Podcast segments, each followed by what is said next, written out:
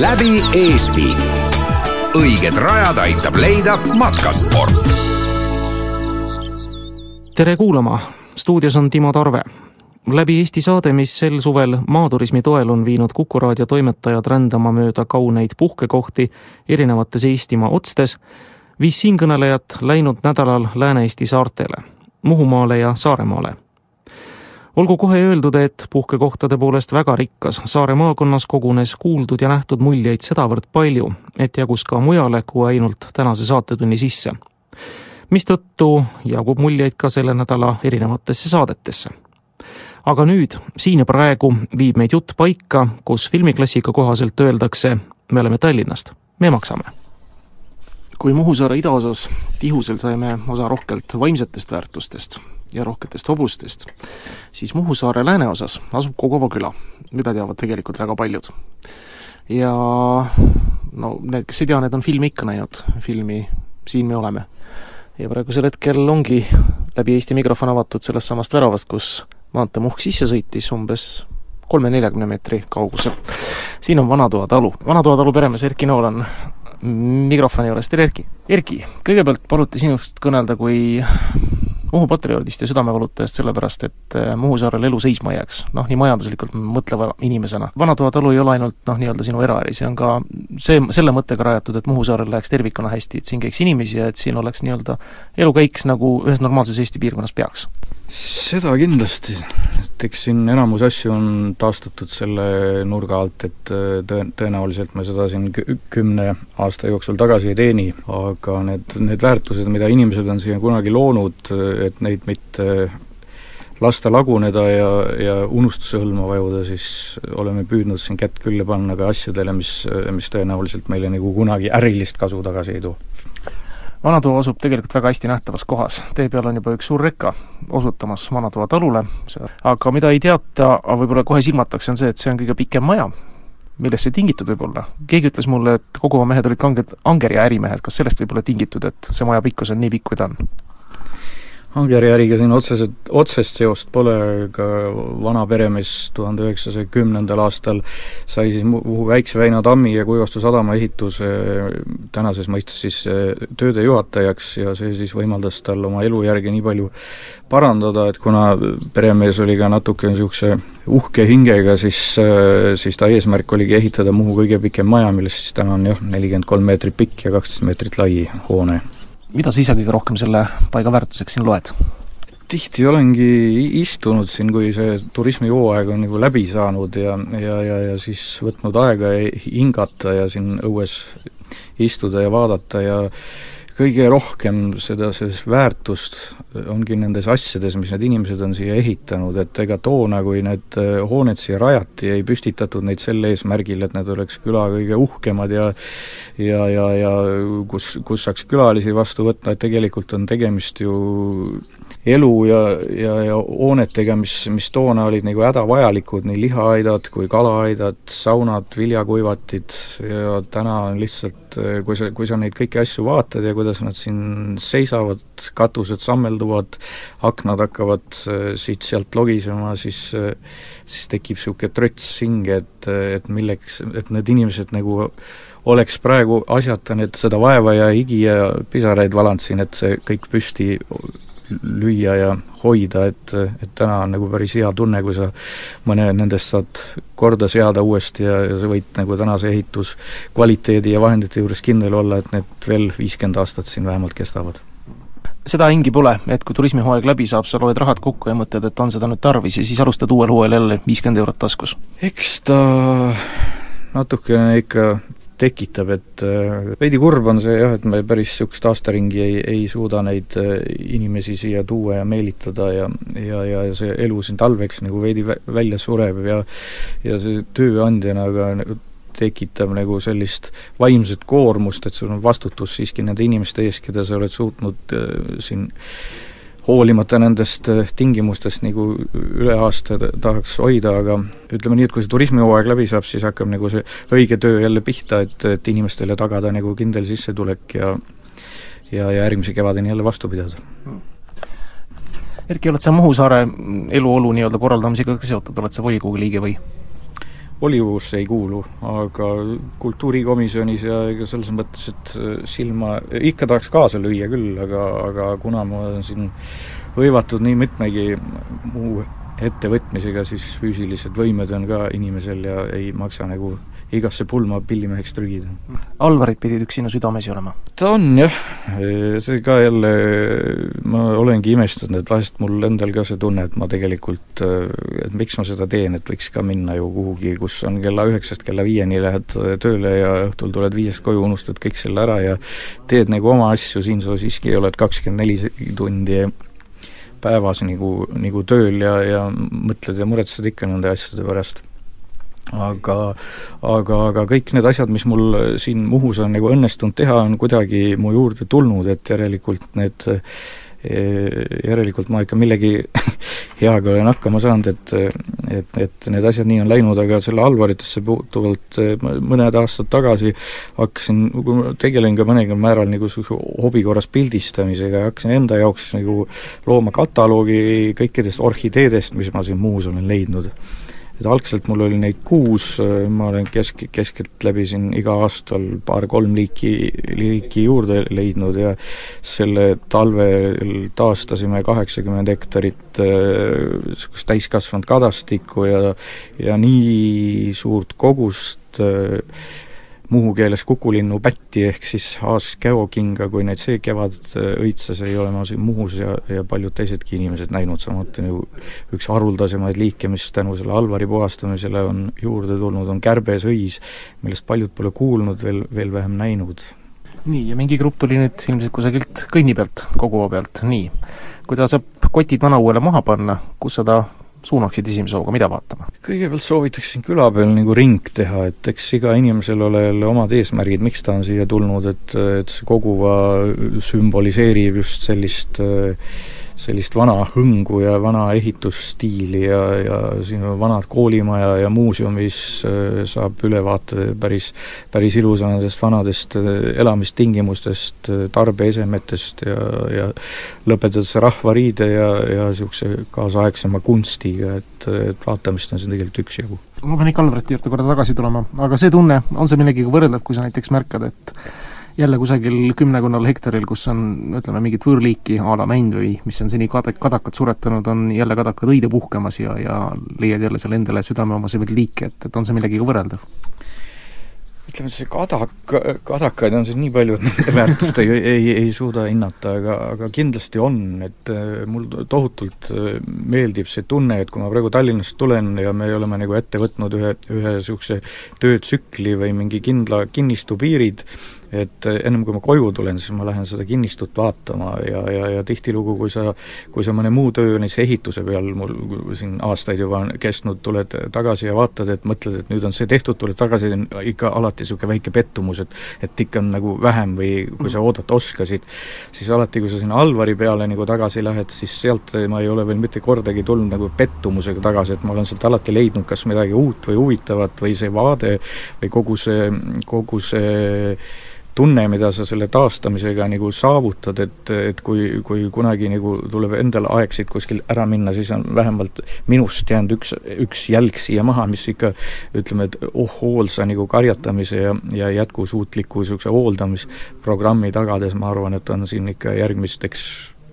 viiekümneks ajaks aastaks nagu ilus vaadata ja vähemalt, vähemalt on see keskkond taas selline, nagu ma arvan, et siin vanemad muhulased ehk niisuguse saja aasta tagant olla võis, et et kui mu ema või vanaema, vabandust, mäle-, mäletas, et ta siit koguvast vaadates nägi eh, kunagi Rintsi kirikut eh, uhkelt, siis täna see enam nagu paraku võimalik ei ole, aga aga, aga siit näiteks mere, merd näha ja ja, ja, ja niisugused ilusad vaated saame kindlasti uuesti taastatud. läbi Eesti õiged rajad aitab leida matkasport. Läbi Eesti saate mikrofon on nüüd avatud Põhja-Saaremaal, Liisi vallas, ühes paigas,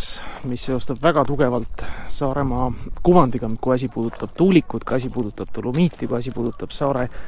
rahvuslikku käsitööd ja, ja mida kõike veel. me oleme siis Angla kuulsal Tuulikumäel, kus tulijaid on tervitamas viis tuulikut ja loomulikult ka kompleksi perenaine Anu Noor. tere, Anu! tere!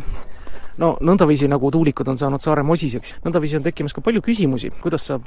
nii suur hulk tuulikuid ühe koha peale, nagu seda on siin Angla mägi?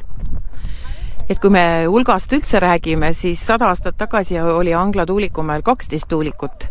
ja, ja kõik need tuulikud, need viis renoveeritud tuulikut, mis meil praegu siin silmailuks on, et oleme suutnud siin äh, tänu muinsuskaitsele ja projektidele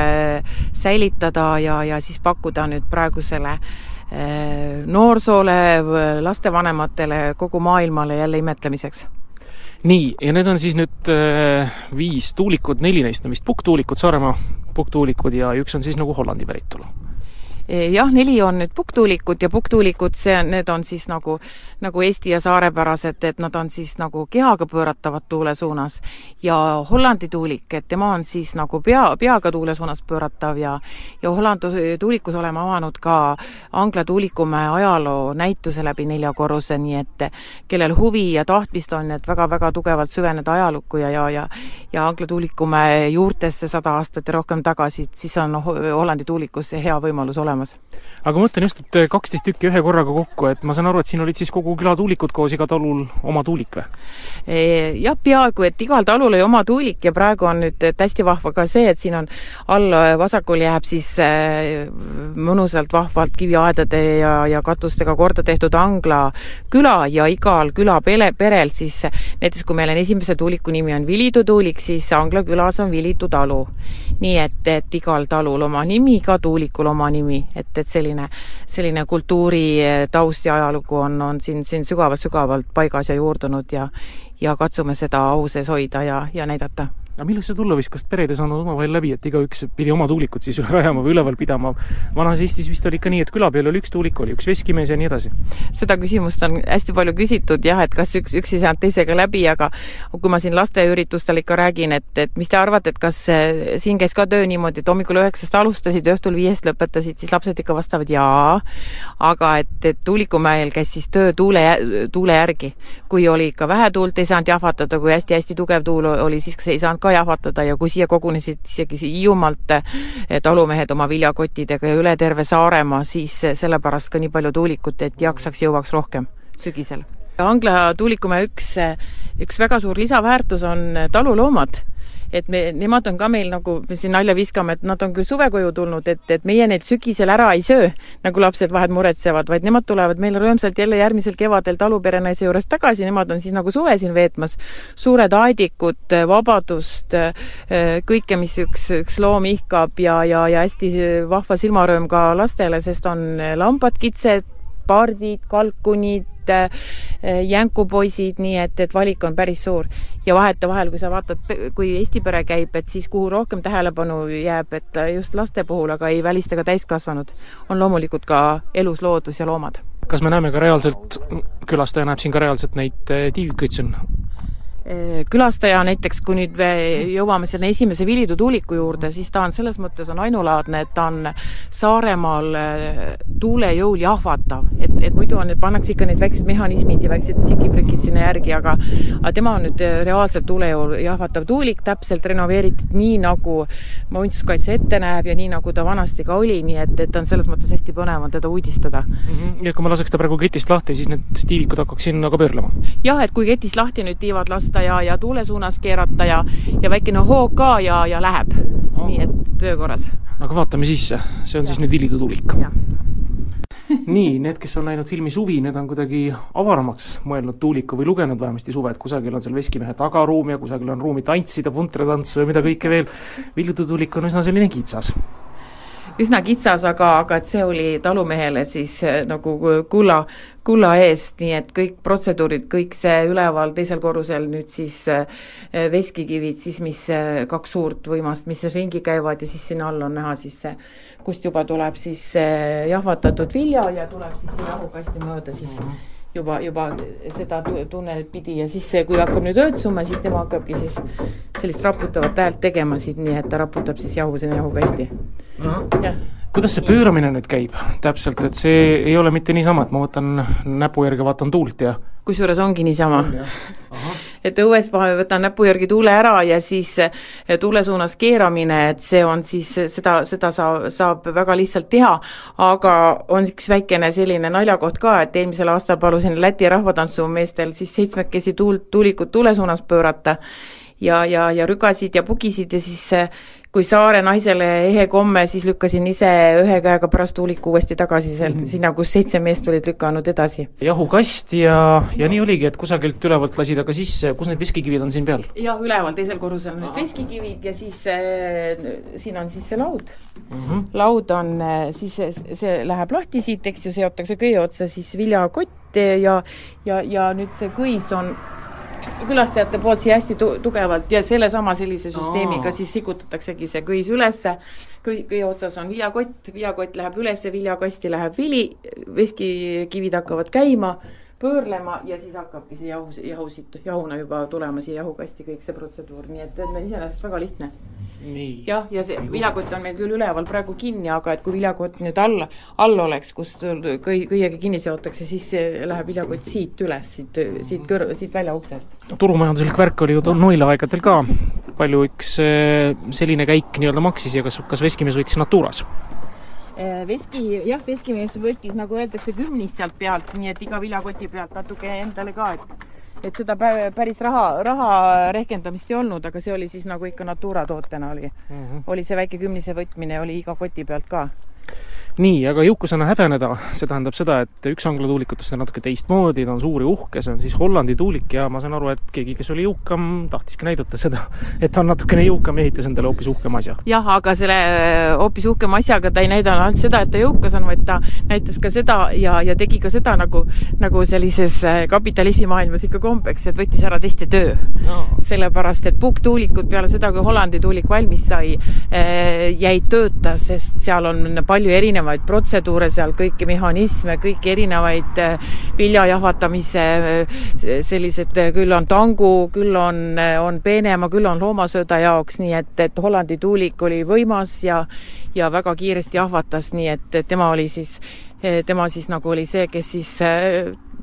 pukktuulikute töö lõpetas ja tuhande üheksasaja viiekümne neljandal aastal no umbes selles kandis siis keelati üldse Tuulikumäel vilja jahvatamine ära. ainult natukene oma tarbeks võis jahvatada, et oli ju sovhooside ja kolooside aeg ja eraomandust olla ei tohtinud mm. -hmm. no vot, siin võidi küll puntratantsu teha, see on hoopis avaram, ta on hoopis teistsugusem, see on niisugune seltsimaja moodi ka natuke seltsimaja moodi, moodi ka ja siis, kui meil päris alguses, kui me sinna alustasime, siis siis sai ka siin Euroopa külalistele võid ja leibi ja teed, teed pakutud siin tuuliku sees, siin on, toimuvad laste leivanädalad, üritused, jõulumaa programmi üks osa oleme siin, siin tuulikus on nii, et, et nüüd on tal siis nagu noh, tähendab mitmeotstarbeline tänu sellele ruumile loomulikult mm. -hmm ja kas sellega siis nüüd äh, absoluutselt igasugust vilja sai ette võtta ja? jah, see oli nüüd see, millega sai siis teha juba tangu ja ja peenemat ja, ja loomasööta, nii et kõik, kõiki asju, nii et, et tegelikult siin esimesel korrusel tuulikul on jälle seesama, mis oli ka Vilidu tuulikul, et siin siis vanamemm sidus siis jälle viljakoti kõie otsa ja samamoodi see süsteem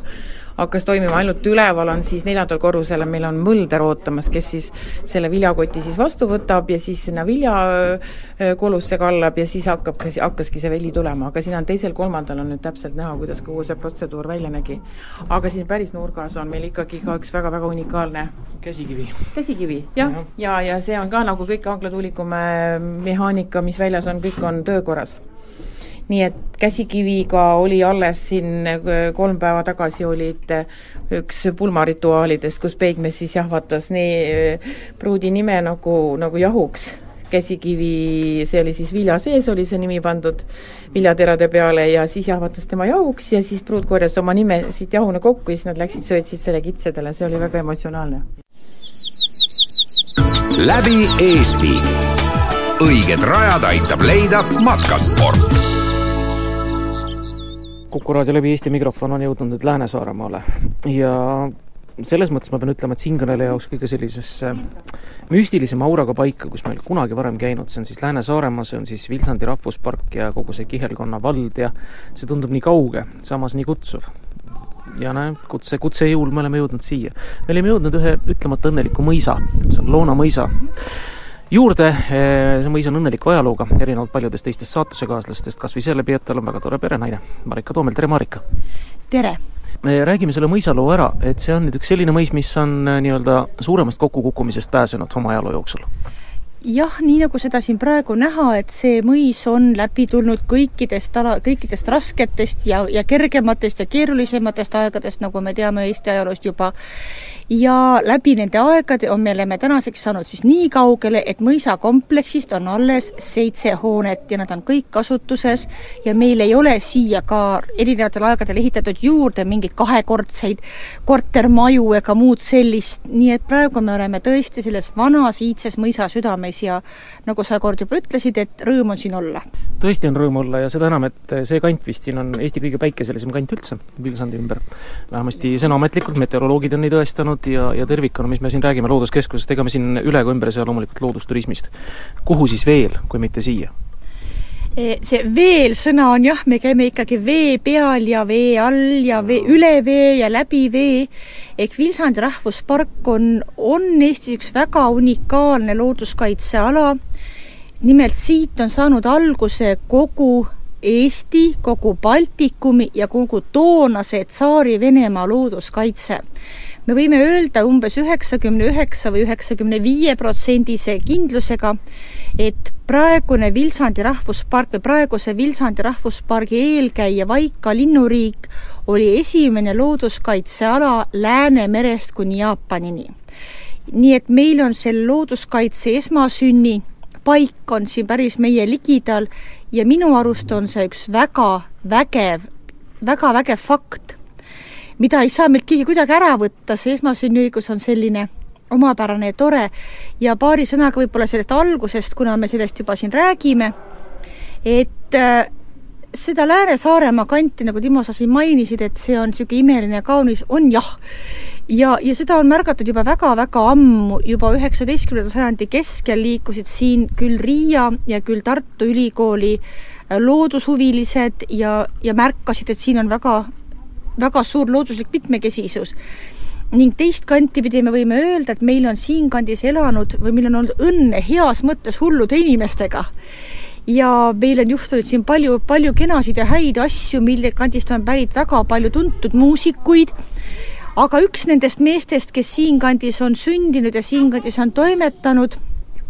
tema nimi oli Artur Toom ja tema oli Vilsandi majakavahi kasupoeg ja tema nägi seal ära, mismoodi Vilsandi kogukond toona siis suur hulk inimesi käisid väikestel vaikalaidudel äh, Vilsandi läänerannikul linnumune korjamas. eks inimene elas ikka koos loodusega, võttis, mida loodus talle söögiks pakkus ja eluks pakkus. Ja nii oli see ka sealkandis. Ja, ja üks hetk see noor Artur Toom leidis või ta nägi, et linnuemad vist ei ole väga rõõmsad, kui tema munad ära võetakse ja tal ei olnud muud mõtet üle, kui et ta tahtis neid lindusid kaitsta ja selle tegevuse jaoks tema rentis Kihelkonna kiriku mõisalt kuus vaikalaidu. Laid, rentis nad selleks, et sinna mitte teised minna ei saaks. Mm seda võib ju praegugi mõelda, et no on ikka naljamees, et miks ta pidi niimoodi tegema ja tõepoolest kohalik kogukond arvas tõesti, et näh, Artur on liiga palju koolis käinud, et vähe lolliks ennast õppinud. Artur oli käinud Kihelkonna koolis kõva neli talve. Mm.. nii et selles mõttes suurt rumalust ta sealt ei saanud, küll aga tarkust ja nägemust oli selles mehes ja tuhat üheksasada kümme, tema siin vahepeal juba võttis end rendile tuhat üheksasada kuus, aga tuhande üheksasaja kümnenda aasta neljateistkümnendal augustil sõlmiti siis lõpuks leping Kihelkonna kiriku mõisa ehk siis maadeomaniku ja Riia Loodusuurijate Seltsi vahel mm, äh, loomaks Vaika linnuriiki. nii et kui tuhat, kaks tuhat kümme me tähistasime üsna suurelt RMK poolt korraldatud Eesti äh, looduskaitse sajandat aastapäeva, siis tegelikult jah, me tähistasime Eesti looduskaitse, ma oleks võinud öelda ka Baltikumi, noh, me ei taha praegu öelda, et Venemaa looduskaitse aastapäeva aga meil on olnud läbi selle saja ja nüüd juba saja viie aasta, mida näidata, mida teha. Ja, ja jätkuvalt on see kant avastamist väärt, leidmist väärt ja meil on väga-väga palju, mida pakkuda loodushuvilistele ja ka kultuurihuvilistele. Vot sinna tahakski jõuda, tänasel päeval, kui me käime siin Tartu Toomi jälgedes, siis hetkel lisaks lindudele loomulikult, mis on siin number üks ilmsesti ka kõigi linnuvaatlejate hulgas ja üle kogu maailma, ka räägime otsesest floorast, mis kasvab, orhideede näitust me siin nägime. Ja orhideed on ka üks selline müstiline lill, mis teatud kogukonnas ja see kogukond on suur, austajates tekitab no vaata et hirmuvärinaid. või siis äh, õnne, õnnevärinaid, täpselt ma tahtsin öelda, ja õnnepisaraid sinna juurde, et mm -hmm. seda kõike siit saab. Saab küll jah, et olles ise Saaremaa juurtega siitsamast Loonamõisa külje alt on minu, minu ema pärit ja siin on minu lapsepõlvepaigad ja, ja see, kuidas ma toona ei märganud seda, sest minu vanaema oli lihtne inimene ja ema tuli mandrile põllutöökooli ja niimoodi mandrile sattusime. aga see, kui ma äh, tudengina kutsuti, sattusin Lahemaale äh, loodusgiidiks õppima ja kuidas ma seal vaatasin seda Palmse mõisa, et milline, milline väärtus, milline õnn ja rõõm oleks seal töötada ja kõik need taimed, mis seal kasvasid, kus meid seal Tartu Ülikooli õpe, õppejõud meid seal siis koolitasid loodusgiidiks ja kui ma mingil hetkel hakkasin aru saama, et minu enda vanaema on looduskaitsel ja tegelikult on minul oma koht olemas, äh, kus see kõik on samamoodi olemas, et, et see see oli, see oli hea tunne, ma lõpuks leidsin sealt Tallinnas, leidsin oma, oma koha üles ja ma arvan, et see koht on nüüdseks siin Saaremaal, Saaremaal oma, oma, oma paiga leidnud, ehk ma olen nüüd juba kümnes aasta olnud siin, kümnes aastaring läheb, talvel saab täis, kus ma olen siis tõepoolest paikne ja olengi, olengi saarlane, muidugi paremat jalga pidi alati isa on mul mandrilt, aga, aga, aga see, see süda, süda kuulub siia ja, ja see koht siin pakub jätkuvalt leibise avastamisrõõmu. nii et, et kui ma alguses tulin selle mõttega, et küll ma tean, olles noh, eluaeg turismis töötanud, loodusturismis töötanud, et mis, mis siin nagu vaja on, aga see, sa tulid juttu, rääkisid loo orhideedest ja meie rikkustest siin, et linnuteema jah, meil on kakssada viiskümmend, peaaegu kakssada viiskümmend linnuliiki, mida on siin loendatud läbi aegade, eh, Nendest me saame pärast pikemalt rääkida just sedasi, et eestlane ju teab, et tal-, suvel vaadatakse lindu talvel oleks lihtsalt Tallinnas, ei tulda Saaremaale. aga et meil on siin linnuliigid, mis kutsuvad meile üle, üle ilma, üle Euroopa siia ka talvist linnuvaatlust tegema inimesi, see on põnev. orhideed oma liigirikkuses, neid on tuhandeid-tuhandeid liike, me teame üldiselt, et orhideed on äh, on äh, troopilised taimed ja need, mis meil kodus poti sees kasvavad, need on hoopiski kunstlikult aretatud taimed just nimelt toaliikideks. aga see, et meie aasad ja niidud on täis looduslikke orhideesid ja et nende liigirikkus siin Saaremaal on eriti kõrge, nii et see Vilsandi rahvuspark toimib tõesti pargina, et kui Eesti kolmekümne kuuest liigist on siit leitud kolmkümmend neli, siis on mul kuidagi selline personaalselt väga hea meel, et see on niimoodi siin niimoodi see meil eksponeeritud selline imeline osa loodusest ja eks sellest on ka tingitud olnud meie käivitunud orhideefestivali temaatika nüüd juba kolmas aasta, aga et veel rikkustest rääkida, siis meil on ju siin meretäis hülged ehk hallhüljeste kolooniad Lääne, Lääne-Saaremaa läänerannikul ja rannikuvetes on täiesti vaadeldavad nii talvel kui kui ka suvel ja lisaks sellele üks liik loodusest, mis ei kao kusagile, ei sõltu ta õitsemisajast ega ei uju tema minema, on meie korallilised fossiilid. eks Saaremaal asub siis, laiub meie Lääne-Eesti äh, klindi peal, ehk see on siis siluriaegne, siluriaegne pank või siduriaegne klint ja, ja sel, see peidab endas rikkalikult ka korallilisi fossiilseid leide, mis on kindlasti ka paljudele uudiseks, et näiteks needsamad mhm. vaikalaiud ja ka vilsandi on tegelikult korallilise päritoluga. noh, ja kui siia juurde panna veel see meie keel ja tuulikud ning see kõik see kenamad tüdrikud on meitel ning ja, ja, ja. ja kogu see pärandkultuur sinna juurde, et sellest võin, ma ei ole suutnud seda endale läbi kirjutada, sest minu jaoks on see nii mitmekihiline, aga mul on see plaan läbi Eesti. õiged rajad aitab leida matkasport pärandkultuur on üks selline asi, mida ma olen imestanud ja imetlenud, kuidas on kõik vastuvõtjad sellesse väga küündunud äh, ja, täiesti siiralt. Nad on tänanud saunavaime, nad on tänanud metsavaime ja nad on kuidagi väga lugu pidanud kõigest sellest, mis on pärandina jäänud ja nad on kahjatsenud, et need inimesed, kes veel mäletavad, et neil kas väga viimasel hetkel sabas saadi kinni, et asju üles kirjutada või asju üles täheldada metsa vahelt või mitte. kas see on Saaremaa eripära, et pärandkultuurist nõnda kõvasti kinni hoitakse? Äh, vot ma arvan, et see ei ole ainult Saare, ma arvan, et see on eestlaste omapära, et peale ligemale kaheksasadat aastat äh, kristlust, mis meil on olnud, me vaatame ju tegelikult ikkagi veel vilkse vilkse üle õla ka, ka linnas. ja ikka, ikka vaatab sinna metsa poole, eks need RMK rajad on ka sellepärast väga tuntud, et me ikka oleme natuke metsa poole. aga see pärandkultuuri hoidmine ühtepidi, see on ju meile ainuomane, see, et me praegu ole, istume siin mõisaterrassil ja räägime, Eesti rahvas ei ole ju kunagi olnud need maaomanikud, me oleme ikka olnud see, see matsirahvas ja talurahvas kes on kuidagi teiste maa peal ja lõpuks siis saanud need talud endale ostetud. ja teist ka, et siit tuleb nagu see pärandi hoidmine, see, see talurahva pärandi hoidmine, mina nüüd katsun siin see läbi selle talurahva pärandi, millest me oleme alati koolis õppinud ja palju teadnud, mõtestada endas ka seda mõisakultuuri ja leida noh, neid seosed seal vahel. teise kandi pealt, olles ise maaturismis äh, toimetav inimene, ja ka need teised inimesed, keda sa oled külastanud, et sa saad ikka seda müüa, mis sul on. Ja kui sa, kui sa oskad seda märgata enda ümber ja pakkuda seda oma külalistele, et sealt tulebki meie töö ju sa pead seda lihtsalt märkama, sa pead seda nägema, sa pead seda armastama, sellepärast et kui sa seda ei armasta, siis ei ole sul siin teha midagi, see paistab välja. ka linnas paistab see välja, kui sa oma tööd ei armasta. ja, ja, ja siit sa, siis, siis, siis, siis see nagu tulebki, et aga seda pärandkultuuri on Saaremaal palju. sa kindlasti tead ja võib-olla ka paljud kuulajad teavad ju seda, noorem generatsioon võib-olla vähem, vanemad kindlasti mäletavad seda Saaremaa viisateemat. jaa et Saaremaa oli ju, oli niisugune, esiteks saared üldse on ju selline omaette, omaette atraktiivne piirkond alati, ta on ju meretagune asi, see ei ole päris nii, et istun, istun autosse ja sõidan kohale, vahepeal on vaja paadiga sõita, aga et see oli piiritsoon, siin oli viisa vahel, ta, ta on säilinud teistmoodi, ta on säilinud võib-olla natukene ehedama, natukene rohkem pärismaana et, et siin on olnud meil selline, mitte et ma tahaksin öelda, et see oli hea, et meil oli siin Vene võim, kindlasti mitte seda, aga õnneks ei ole meil olnud siin suuri looduskatastroofe, vähemalt minule teadaolevalt mitte, mis oleks Saaremaal toimunud. pärast Kaali katastroofi? no pärast Kaali katastroofi, no seda, seda annab ju ka tänapäeval hästi müüa. see nelisada neli tuhat aastat tagasi, see pauk, mis siin käis, see kõlas ju kaugele, see kõlab isegi läbi, läbi Kreeka mütoloogia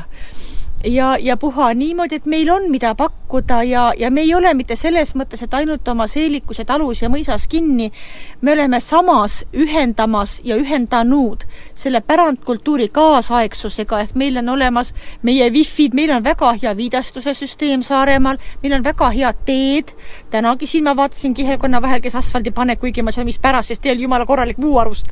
aga, aga jah, meil on olemas kõik see, mida kaasajal inimestele vaja on. Ühtepidi, et olla ühenduses oma traadita ja traadiga,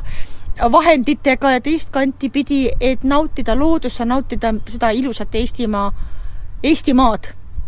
teedest oli juttu, nüüd kui Loonamõisa poole tee läheb, tõesti, see on väga hästi viidastatud, tee toob siis Kuressaarest natuke, noh, kui me tuleme Kuivastu praami pealt, siis ei pea Kuressaarde sissegi sõitma. aga sõidame siia Kihelkonna poole, ühel hetkel keerame ära, kas me tuleme üksi või grupiti, kas me saame alati mingit tegevust kohe rakendada, on ta siis mingisugune eesmärk, kas mul on binokkel kaasas, et linde või hülgeid vaatama minna või siis lihtsalt looduse vahel akusid laadima? meil on nagu siin Loona mõistes on meil kolm töö, töö nagu liini, et äh, lähtuvalt meie lepingust RMK-ga peame me pakkuma siin majutustoitlustust, mida me tõesti hoolega teeme, meil on nüüd esimest aastat lõpuks, meil on oma majas väga hea kokk, kelle juured ulatuvad tegelikult Tuu Nordi restorani kööki. ja, ja, ja, ja, ja lisaks äh, tähendab, ja majutus loomulikult on mitmelaadne ja lisaks me pakume ka tegevust looduses. Ehk olen, oleme käivitanud sellise mm, matka, nagu on pärimusmatkad, ehk me siin igaks päevaks saavad ka need inimesed, kes tulevad kahekesi, ka need inimesed, kes tulevad lausa üksipäini, kes tuleb ratta, kes tuleb jalgsi, kes autoga, päris hobusega pole siin käidud. ühesõnaga, me, me suudame kõikidele pakkuda tegevust, me pakume giidiga matku, me pakume iseseisvaid matku, Loonamõisa õue peal on ka RMK näitusemaja väga hea ekspositsiooniga, ka sealt saab infot ja kaarte, ka meie pakume siit, noh nagu nemad seal pakuvad, või nemad seal, ütleme allpool majas, näitusemajas pakutakse sellist üldinfot, kuna meie majas,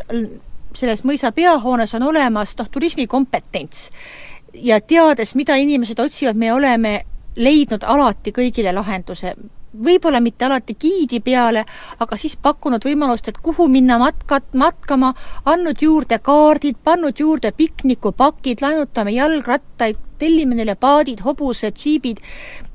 mida iganes, tähendab, inimene peab saama loodusesse mitte ainult ka siis, kui ta on tellinud rühmareisi. ehk eestlastel on sageli vist selline ettekujutus, et me istumegi bussi ja tädi tuleb, giiditädi tuleb ette, sõidab ühed ringi ümber kiriku ja räägib aastaarvud ära, kellelegi midagi palju meelde ei jää, lähme järgmise kirikute, vahepeal sööme, käime pissil ja lähme jälle, kui saab, vaatame niimoodi. meil on see hoopis teisiti me oleme Eesti Ökoturismi Ühenduse liikmed, mis tähendab, et meile väga meeldivad individuaalkliendid, meile meeldivad rühmad kuni kakskümmend inimest, võtame loomulikult ka suuremaid, ka kaheksa on meie jaoks rühm, kes astub uksest sisse, kõik saavad teenused, kes on ette tellinud, noh loomulikult saavad. aga need, kes tulevad ka siin niimoodi ühe-kahe kaupa, ei jää keegi nii-öelda,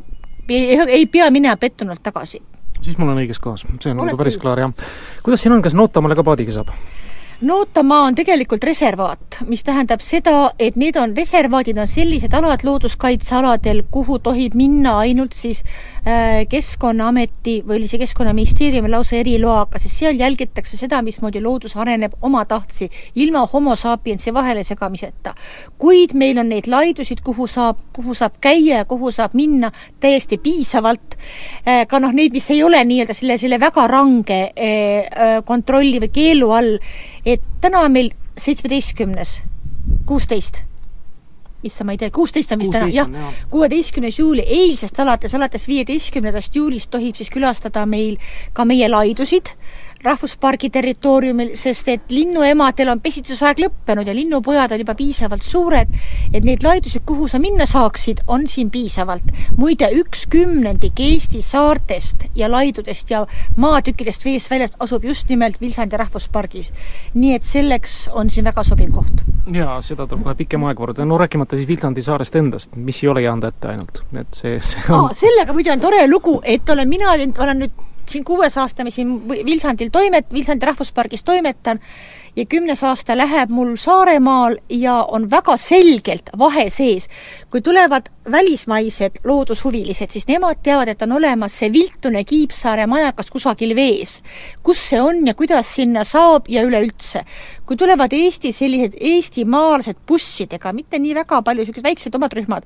aga busside küsimus, esimese Vilsandile minnes, aga kus Jaan Tätte on? mõtlesin, peaks tegema Jaanist kas sellise, kas täispuhutava kuju, et saaks talveks kokku keerata, rullida või kuidagi, aga jah, et me nagu Jaani päris niimoodi objektina, vaadeldava objektina küll tõepoolest siin ei turunda, et see on noh, nagu meil on ikkagi loodus ja meie loodusasjad ja kui neil on omavahel, vahel kui inimestel on lepitud, et Jaani juurde minnakse, siis on teine asi aga see on toredasti näha, väga selgelt on näha, et mm. eestlane otsib siitkandist Jaan Tättet, välismaalane Kiipsaare majakat, jah. ma väga tänan teid, Marika, selle jutuajamise eest, selle vastuvõtu eest ja loonal näeme! olete kõik väga oodatud! selline sai peotäis muljeid Saare ja Muhumaalt, mis mahtus siia saatetundi olge Kuku raadio lainel edasi, muljeid Hangla tuulikute kõrvalt, Pärandkultuurikeskusest ja Mändjala rannast on meil eetrisse jõudmas veelgi. Kuulmiseni! Läbi Eesti. õiged rajad aitab leida matkasport